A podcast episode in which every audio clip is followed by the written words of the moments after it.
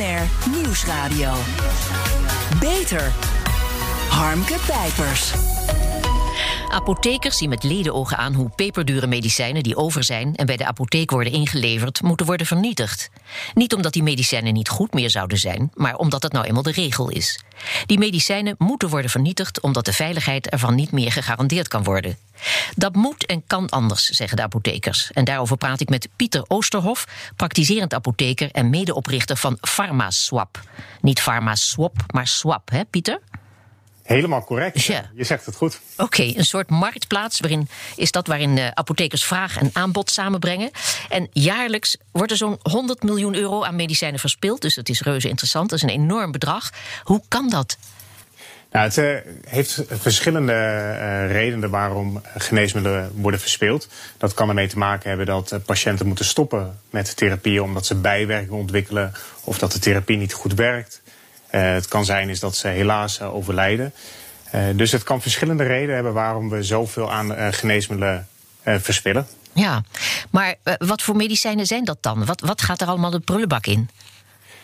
Nou, eh, ook daar is de diversiteit heel groot. We hebben de goedkopere geneesmiddelen. En in de goedkopere geneesmiddelen zie je dat het overgrote gedeelte van de Nederlanders die dat gebru eh, gebruikt dat.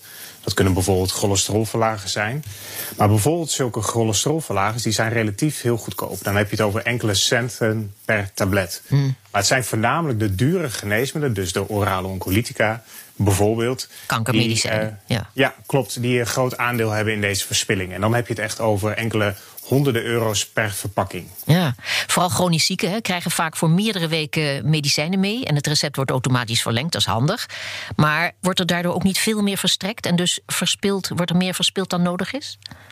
Nou, juist op die dure geneesmiddelen zijn apothekers en uh, ook de behandelaar er wel heel erg mee bezig om verspilling te voorkomen. Mm -hmm. Dus wat je daarin ziet, is dat we juist die therapieën per maand verstrekken aan de patiënt. Dus ook niet automatisch herhalen. Dus we proberen zowel apothekers als behandelaren die verspilling al goed te reduceren. Ja. Dus we zijn er wel echt mee bezig. Maar nog even terug naar de routine, want apothekers moeten vanwege de manier van werken uh, ook altijd medicijnen op voorraad hebben. Hè, met het risico dat een deel niet opgehaald wordt en de houdbaarheidsdatum verstrijkt, toch? Correct, ja, nee, dat zeg je heel goed. Dus een, een, een mogelijk probleem bij de verspilling is dat we nou, in de apotheek inderdaad producten op voorraad hebben. Mm -hmm. En juist bij die kankermedicijnen die heel erg specifiek zijn, daar heb je maar een paar patiënten per apotheek op. Nou, stel dat een patiënt dan switcht en je hebt dat product alsnog op voorraad in je apotheek, dan is er een risico is dat je dat geneesmiddel dus niet meer kwijt kan raken. Ja. En dan moet dat geneesmiddel in de apotheek blijven tot aan de vervaldatum. En uh, nou, wanneer die datum uh, bereikt is, dan moet je het product weggooien. En zeker bij dure geneesmiddelen is dat natuurlijk enorm zonde. Ja, maar nog eventjes uh, over die medicijnen, ook over de goedkopere medicijnen. Want ik vraag me af hoe bindend is een houdbaarheidsdatum hè, voor medicijnen. Is het te vergelijken met bijvoorbeeld zoiets gewoons en alledaags en ordinairs als soep in blik, die je gewoon ook lang na het verstrijken van zo'n datum, nog jaren later, nee hoor, ik overdrijf wat, die je dan nog veilig kan eten? Uh, nou ja, kijk, bij voedingsmiddelen is het altijd aan de gebruiker zelf om uh, te bepalen of hij of zij uh, de soep nog wil eten. Ja, gelukkig wel. En uh, soms is die wel eens heet. Maar bij geneesmiddelen vertrouwen mensen natuurlijk op... is dat een ja, geneesmiddel een goede behandeling heeft... en de ziekte doet verdwijnen of in ieder geval goed zijn werking heeft. En juist daarin willen we eigenlijk niet experimenteren nee. om de houdbaarheid uh, uit te stellen. Ja, klinkt allemaal heel verstandig. Worden al die ongebruikte medicijnen weer netjes teruggebracht naar de apotheek? Ik neem aan van wel, hè, die dure. Nou, we stimuleren natuurlijk wel. Maar ook daarin zien we dat uh, patiënten natuurlijk dan bij de apotheek moeten komen om de geneesmiddelen in te leveren. Mm -hmm. En dat gebeurt natuurlijk niet altijd. Dus uh, ook komen geneesmiddelen helaas wel in het milieu terecht. Dus uh, we proberen absoluut patiënten te stimuleren om de geneesmiddelen in te leveren bij de apotheek. Maar we zien dat dat niet altijd gebeurt. Mm. Nou gaat het niet om een paracetamolletje van een paar cent, begrijp ik. Maar juist om verpakkingen met specifieke medicijnen voor zeldzame ziekten. Zoals kankermedicijnen, noemde je al. Uh, en pillen komen meestal niet los in een doosje, maar verpakt in strips. Heel hygiënisch allemaal. Die kunnen na inlevering toch, denk ik, dan gewoon worden hergebruikt. Ja, dat is een uh, goede vraag. Uh, nou, daar is een collega in het Radboud UMC is, uh, dit aan het onderzoeken in hoeverre patiënten ervoor open zouden staan om geneesmiddelen die teruggebracht zijn um, te hergebruiken. Het gaat juist om de kwaliteit van het geneesmiddel die je wil borgen. Dus op het moment dat een geneesmiddel bij de patiënt is geweest en hij zou terugkomen in de apotheek, dan willen we eigenlijk zeker zijn dat die geneesmiddelen bij de juiste condities zijn bewaard. Dat kan enerzijds gekoelde geneesmiddelen zijn, maar juist ook bij tabletten die niet bij een uh, hogere temperatuur dan 25 graden bewaard mogen worden, wil je eigenlijk de garantie, hey, deze geneesmiddelen zijn goed bewaard gebleven en die kunnen we veilig aan patiënten geven. Dus daar loopt op dit moment onderzoek naar. Ja, want zou je de patiënten niet een soort, ik noem maar wat, een, een, een speciaal bewaarbox kunnen meegeven? Aangesloten nou, op, op, op, uh, op, een stekker, zodat, uh, met een stekker, zodat je inderdaad bepaalde condities waarborgt. Ik denk aan een soort van ijskastje of iets anders. Nou, dat is een interessante vraag. En dat, dat is wat uh, collega's in het Radboud UMC aan het onderzoeken zijn. Ze okay. sealen de geneesmiddelen uh, met een temperatuurschip er ook bij. Waarbij ze dus dergelijke condities kunnen monitoren. En op het moment dat de patiënt ermee terugkomt. Uh, kunnen ze in de apotheek uitlezen van hey, hoe is dit geneesmiddel bewaard? En komt het in aanmerking om dit opnieuw te distribueren onder patiënten? Ja, nou, probleem opgelost zou ik zeggen. Nou, ik, uh, helaas gaat het niet zo snel, want uh, er zijn natuurlijk wetten en regels waar je rekening mee moet houden. Uh, dus dit soort initiatieven kunnen alleen maar in goede samenspraak met het ministerie en natuurlijk met de inspectie. Ja, je bent een van de initiatiefnemers, hè, we zeiden het al, van PharmaSwap. Dat is een, besloten, een soort besloten marktplaats waar apothekers dus vraag en aanbod bij elkaar brengen, zodat verspilling dus wordt verminderd. Hoe werkt het precies? Nou, hoe het precies werkt is, het is goed om te melden, is dat wij bij PharmaSwap ons voornamelijk richten op geneesmiddelen die, uh, waarvan de kwaliteit geborgd is. Mm -hmm. En dat is dus absoluut het verschil tussen producten die bij de patiënt zijn, waarbij we dus niet zeker weten hoe de kwaliteit is. Maar wij hebben het over producten die bij de apotheek zijn gebleven. Dus daarvan weten we, hey, die zijn bij de juiste condities bewaard gebleven. Ja. Nou, wat, wat je al aangaf over uh, vervaldata, is op het moment dat een patiënt of een, uh, een apotheek merkt van hé, hey, dit geneesmiddel kan ik eigenlijk niet meer kwijt, uh, maar ik heb er dus ook geen patiënt meer voor, dan kan hij uh, het aanbod bekendmaken bij andere collega's. En die kunnen dan interesse tonen in dat product om vervolgens dat product te redden van verspilling, zoals wij dat noemen. Ja. En, op, en op het moment dat die vraag en aanbod helemaal goed is, dan gaat dat product via een leverancier gaat naar de collega. Ja, toen je hier aan begon, dat is een fantastisch idee, hè, werd het probleem van medicijnverspilling uh, nog uh, helemaal niet herkend, nu wel. Maar toch heb ik begrepen dat niet alle apotheken meewerken. Uh, waarom nou niet? Nou, het zit hem erin is dat in Europese wet en regelgeving bepaald is dat apotheken geneesmiddelen mogen ter hand stellen aan patiënten, maar mm-hmm. niet aan collega-apotheken. Dus dat is een recht wat voorbehouden is aan groothandels, zoals wij dat noemen. Dus op het moment dat een collega-apotheker een, een andere apotheker een geneesmiddel uh, verstrekt, dan zegt de wet van hé, hey, dat mag niet.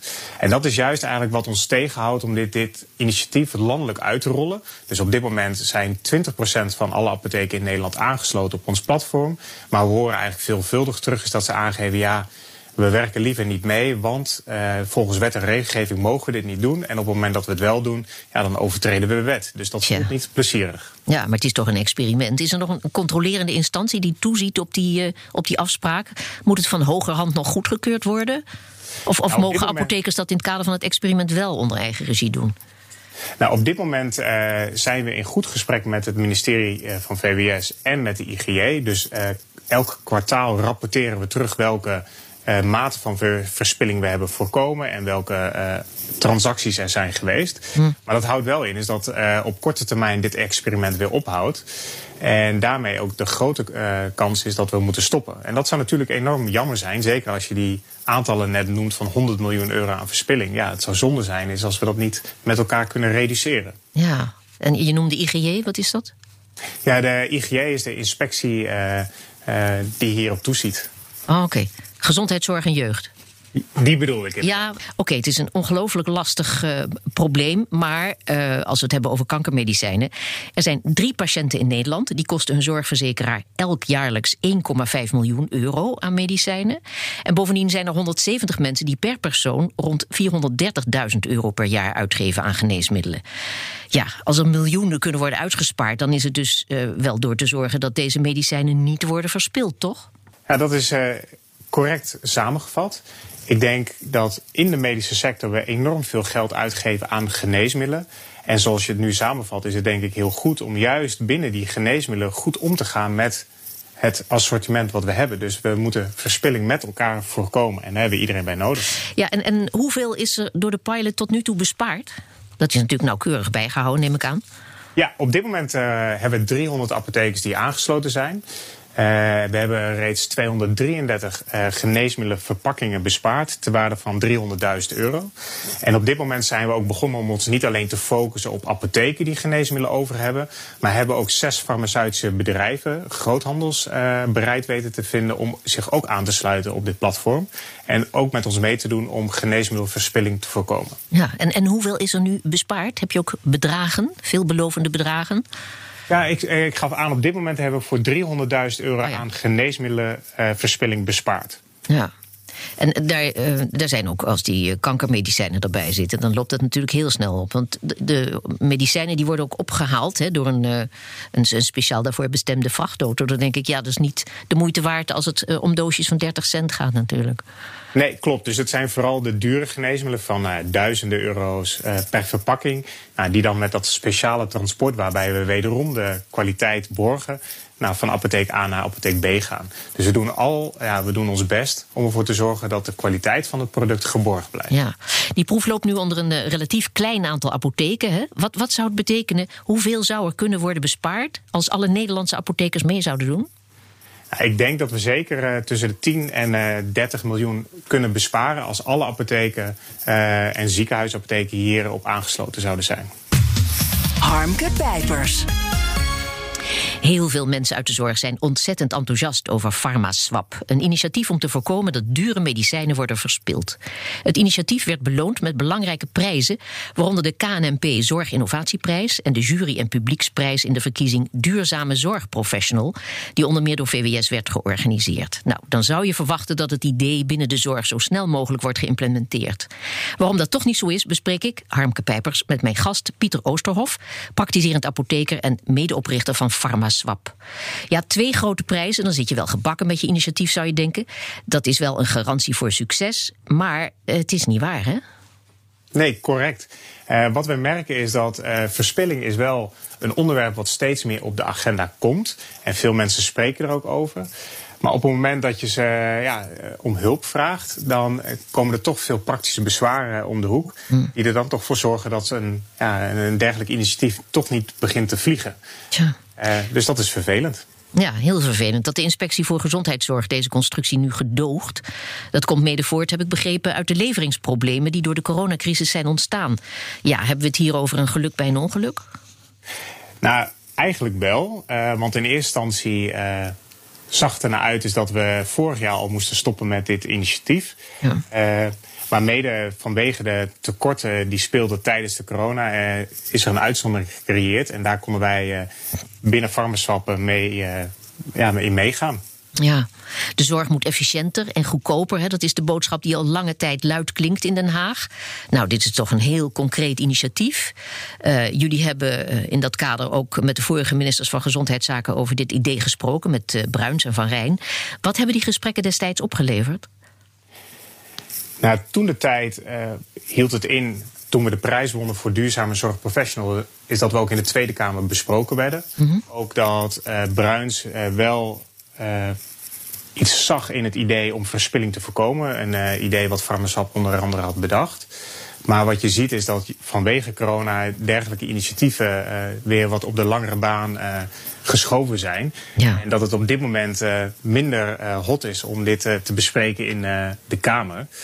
En je ziet wel is dat bijvoorbeeld een onderwerp zoals geneesmiddeltekorten wel echt op de agenda staat. Maar verspilling is uh, weer iets onder op de agenda geraakt. Ja. En in uh, de nieuwere verkiezingsprogramma's zie je bijvoorbeeld wel dat de SGP uh, hier uh, zich hard voor probeert te maken. Maar bijvoorbeeld de grotere partijen zoals VVD en D66 dit nog niet uh, hebben benoemd. Ja, wat dom. Ze maken zich voor druk nog, uh, voorlopig nog even druk om verkenners en zo. Maar goed, we krijgen wel een nieuwe bezetting in de Tweede Kamer, wanneer dan ook. verwacht je daar nog iets van? Zijn er politieke partijen die toch nog wat doen om dit initiatief te redden? Nou, op dit moment voorzie ik niet dat er echt landelijke partijen zijn die dit op de radar hebben. Mm. Dus ik zie meer iets dat er op dit moment diverse initiatieven in het land lopen. Iedereen is eigenlijk een beetje aan het pionieren. Ik zou er heel wat in zien als we al deze initiatieven zouden weten te bundelen. Ja. En dat dan gezamenlijk uh, weten te bespreken binnen de politiek. Ja, want meerdere grote ziekenhuizen, zoals het Radboud UMC en het uh, Antonius ziekenhuis, regio Utrecht, zijn nu ook een proef gestart hè, om verspilling tegen te gaan. Van uh, vooral die kostbare kankermedicijnen. Uh, waarin verschilt hun aanpak van die van uh, Pharmaswap? Nou, binnen Pharmaswap berichten wij ons voornamelijk op geneesmiddelen die binnen de farmaceutische keten bewaard zijn gebleven. Dus die nog niet bij de patiënt zijn geweest. En de initiatieven van bijvoorbeeld het Radboud en het Antonius, die richt zich voornamelijk op geneesmiddelen die bij de patiënt zijn geweest. En in dat initiatief moet ze allereerst nog de kwaliteit van het product weten te borgen. En dat is bij ons juist al geborgd. Ja. Maar ja, kennelijk wordt wat deze ziekenhuizen doen uh, nu dus ook gedoogd. Biedt dat toch enige hoop voor de toekomst? Nou, ik ben een positief ingesteld persoon. Uh, dus ik, ik ben uh, in de veronderstelling dat dit zeker hoop biedt voor de toekomst. maar ergens moeten we het ook eerst zien en dan geloven. Dus er rest niks anders dan mijn best te blijven doen om ja, geneesmiddelverspilling te voorkomen met elkaar. Ja, want het is zo'n, eh, ja, ik wil niet zeggen makkelijk te oogsten succes, helemaal niet, dat blijkt wel. Maar het is zo'n fantastisch idee, het ongelooflijke bedrag dat je weet te besparen. En waarmee je dus een groot eh, deel van die vreselijke discussies over wat mag een mensenleven waard zijn, dat je die bespaart, hè, vooral als het gaat om die kankermedicijnen. Ja, dan, dan is dat toch fantastisch als je dat kunt oogsten. En zo idioot om dat niet te doen. Nee, klopt. En dat is. Nou, met hoe meer mensen we praten, is, zien we dat ook terug. Is dat uh, heel veel mensen realiseren is dat dergelijke mate van verspilling natuurlijk heel erg zonde is. Ja. Uh, en op het moment dat je dit met uh, nou, patiënten zou bespreken, dan is iedereen verbaasd dat zo'n initiatief niet kan vliegen. Um, dus we hebben toch denk ik nog wat meer reuring nodig om dit op de agenda te krijgen. Ja. Medicijnverspilling is een ketenprobleem en dat vraagt om een ketenoplossing. Ja, dus kennelijk lukt het niet om in zo'n klein land als Nederland die radertjes in de keten samen te laten draaien. Ja, ik kan er niet over uit. Hoe kan dat? Wat gaat er nou verkeerd? Nou, wat ik denk ik verkeerd gaat, is dat verspilling een interessant onderwerp is. Mm -hmm. Maar zodra mensen zelf energie erin moeten zetten om dit te voorkomen. En dat houdt dus in is dat je actief tegen wet en regelgeving moet acteren om iets te veranderen dat mensen dan afhaken door de hoeveelheid werk die erachter zit. En soms gebruik ik wel eens de voedselindustrie als parallel. Uh, twintig jaar geleden vonden we het heel normaal om uh, producten die we in de koelkast hadden, om dat uh, weg te gooien, omdat we het niet meer gingen gebruiken. En ondertussen kunnen we in de huidige tijd niet meer om de bonusknallers heen en de, de verschillende aanbiedingen die er zijn, de HelloFresh boxes die er zijn. Dus ik denk dat de, ja, op dit moment zijn we misschien rondom het onderwerp geneesmiddelverspilling nog heel erg jong ik denk dat over vijf of tien jaar, heb ik goede hoop, is, vinden we het niet meer dan normaal dat we eigenlijk met de juiste, ja, dat we er goed omgaan met de geneesmiddelen die we hebben. Ja, vind ik wel erg lang hoor, tien jaar. Ja, uh, maar ondertussen zijn wij al vier jaar uh, bezig. Dus ja. uh, ik, ik vind het redelijk positief nog. Tja, ja. Nou, meer reuring zou ik zeggen. ja, dus ik ben heel erg blij dat ik mijn verhaal mag doen. ja, daar zeg ik het niet om. Maar meer reuring, doe je best. Ik, ik doe absoluut mijn best. En meer dan dat kan ik niet doen. Ja, want het is toch krankzinnig dat er niet meer aandacht voor is. Enfin, ik kan mijn, uh, mijn verbazing niet genoeg lucht geven. We laten het hierbij. Fantastisch initiatief. Heel veel succes in het belang van iedereen. Hartelijk dank, Pieter Oosterhof. Ja, en wilt u meer weten over dit initiatief tegen medicijnverspilling? Kijk dan op onze site www.bnr.nl/beter. Zorgvernieuwers. Er zijn volop ontwikkelingen in de zorg. Nieuwe medicijnen, technieken en behandelmethoden maken het leven van de patiënt beter en het werk van de specialist makkelijker. Wat zijn de laatste innovaties? Een nieuwe methode om borstkankertumoren te markeren voor een operatie is minder belastend voor patiënten en heeft ook voordelen voor de artsen. Daarover praat ik met Bram Schermers van Sirius Medical, de uitvinder van deze techniek. Ja, borstkankertumoren markeren voor de operatie. Dat moet je me toch even uitleggen. Hoe werkt dat? Ja, dat begrijp ik. Uh, borstkanker is tegenwoordig uh, vaak niet meer het knobbeltje in de borst zoals we dat herkennen. We zijn heel goed geworden in, uh, in het vroeg detecteren van tumoren. En dat doen we eigenlijk in zo'n vroeg stadium dat ze nog heel klein zijn. En dat is aan de ene kant prettig voor de patiënt, want die kunnen we dan in een vroeg stadium behandelen. Maar het is heel uitdagend voor de chirurg. Want hele kleine tumoren in een heel vroeg stadium zijn slecht te onderscheiden van gezond weefsel. En dan weet de chirurg dus eigenlijk niet waar hij moet snijden. En daar hebben we markeringstechnieken of lokalisatietechnieken voor nodig om die chirurg te helpen naar de juiste locatie tijdens een operatie. Ja, en, en hoe gebeurde dan uh, dat tot nu toe? Uh, in 95% van de gevallen wereldwijd gebeurt dat met een ankerdraad. En dat klinkt net zo erg als dat het is. Dus dan gaat de, op de dag van de operatie ga je als patiënt naar de afdeling beeldvorming, radiologie.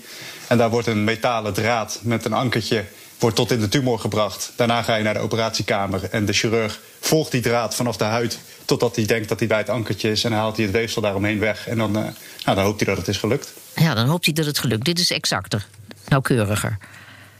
Ja, zeker. Ja, dus de techniek die wij hebben ontwikkeld, uh, die vervangt eigenlijk de metalen draad door een uh, heel klein magneetje. En wij hebben een detectiesysteem ontwikkeld dat uh, dat magneetje dan weer tijdens de operatie heel nauwkeurig kan, uh, kan detecteren. Daardoor kan de chirurg hoeft hij niet die draad te volgen, maar kan hij eigenlijk zelf zijn route bepalen naar de tumor toe. Ja, maar een magneetje in je lijf, verandert dat niet steeds van plek? Bijvoorbeeld als je in de buurt van, uh, ja, ik noem maar wat, een metalen hekje komt? Ja, dat is een hele goede vraag. Het is een hele sterke magneet, maar ook een hele kleine magneet. Dus dat veld dat valt eigenlijk heel snel, de, de kracht daarvan valt eigenlijk heel snel af. Dus als je al op 5 of 5 mm of op 10 mm van dat uh, magneetje zit, ja, dan, uh, dan gebeurt er eigenlijk helemaal niets meer mee. Dus de kans dat je daarmee in de buurt van een hek komt, die is niet heel, want hij zit in het lichaam. Dus daar ja. gebeurt niets mee. Nee. Zeg, en, en waarom wordt iemand tussendoor naar huis gestuurd? Want uh, ik begreep dat dat gebeurt. Waarom niet injecteren en dan meteen opereren? Ja, nou, het hoeft niet. Hè. Het mag op de dag zelf uh, injecteren mm -hmm. en opereren. Maar dat is juist een van de beperkingen van die, uh, van, die, van die techniek met het draadje. Dat dat allemaal op één dag moet. Dat betekent dat je in het ziekenhuis verschillende afdelingen aan elkaar moet koppelen. En dat leidt ah. alles tot vertraging. Ja. En vertraging is kosten. Dus je wilt dat liever Want in dat draadje verschoven. Dat kan, ja, dat draadje kan verschuiven. Dus hoe langer de periode tussen het plaatsen van het draadje en de operatie, hoe groter de kans dat hij gaat verschuiven. En hoe onprettiger het is voor de patiënt. Want je loopt letterlijk met een, met een metalen draad uit je borst. Ja, ja. Zeg, inmiddels werken ziekenhuizen door heel Europa met jouw uitvinding. Wat maakt dat het ja. internationaal zo'n succes is? Uh, ik denk uh, dat is denk tweeledig. Aan de ene kant is het echt ontwikkeld vanuit de noodzaak van de kliniek. Hè. Dus wij zijn een, uh, ons bedrijf is een spin-off vanaf het Nederlands Kankerinstituut. Daar zaten ze echt met de vraag van hoe kunnen we dit beter doen. Wij hebben deze technologie ontwikkeld om juist aan die vraag te beantwoorden. Dus er is echt in dit veld ja, zijn mensen op zoek naar een oplossing voor dit probleem. En de andere kant is denk ik dat de techniek die we hebben ontwikkeld is heel intuïtief. Dus als wij chirurgen ons systeem in handen geven en we laten ze zien hoe het werkt, dan zien ze eigenlijk meteen van ah, dit is zoveel beter dan de techniek die ik nu gebruik, dat draadje. Um, hier wil ik eigenlijk zo snel mogelijk naartoe uh, switchen. En ja, dat maakt dat, het, dat, het, dat ons verkoopproces en, eigenlijk heel snel gaat in Europa. Ja, leuk hè? Ja, ik vind het heel leuk. Ja. ik ben hier al een tijd mee bezig. Maar ik, het is nog steeds heel leuk, ja. Ja, het is geen adequate opmerking, maar ik vind het wel leuk. Goed idee. Hartelijk, hartelijk dank en veel succes, Bram Schermers. Ja, Dankjewel. En wilt u meer informatie over deze nieuwe behandelmethode? Kijk dan op www.bnr.nl/slash beter. Tot zover deze uitzending van BNR Beter. Op bnr.nl/slash beter is deze uitzending terug te luisteren of on demand via de BNR-app en Spotify. We zijn ook op Twitter te vinden onder BNR Beter. Dus heeft u tips voor ons? Laat het ons vooral weten. Ik ben Harmke Pijpers. Ik blijf nog eventjes binnen. Graag tot een volgend spreekuur.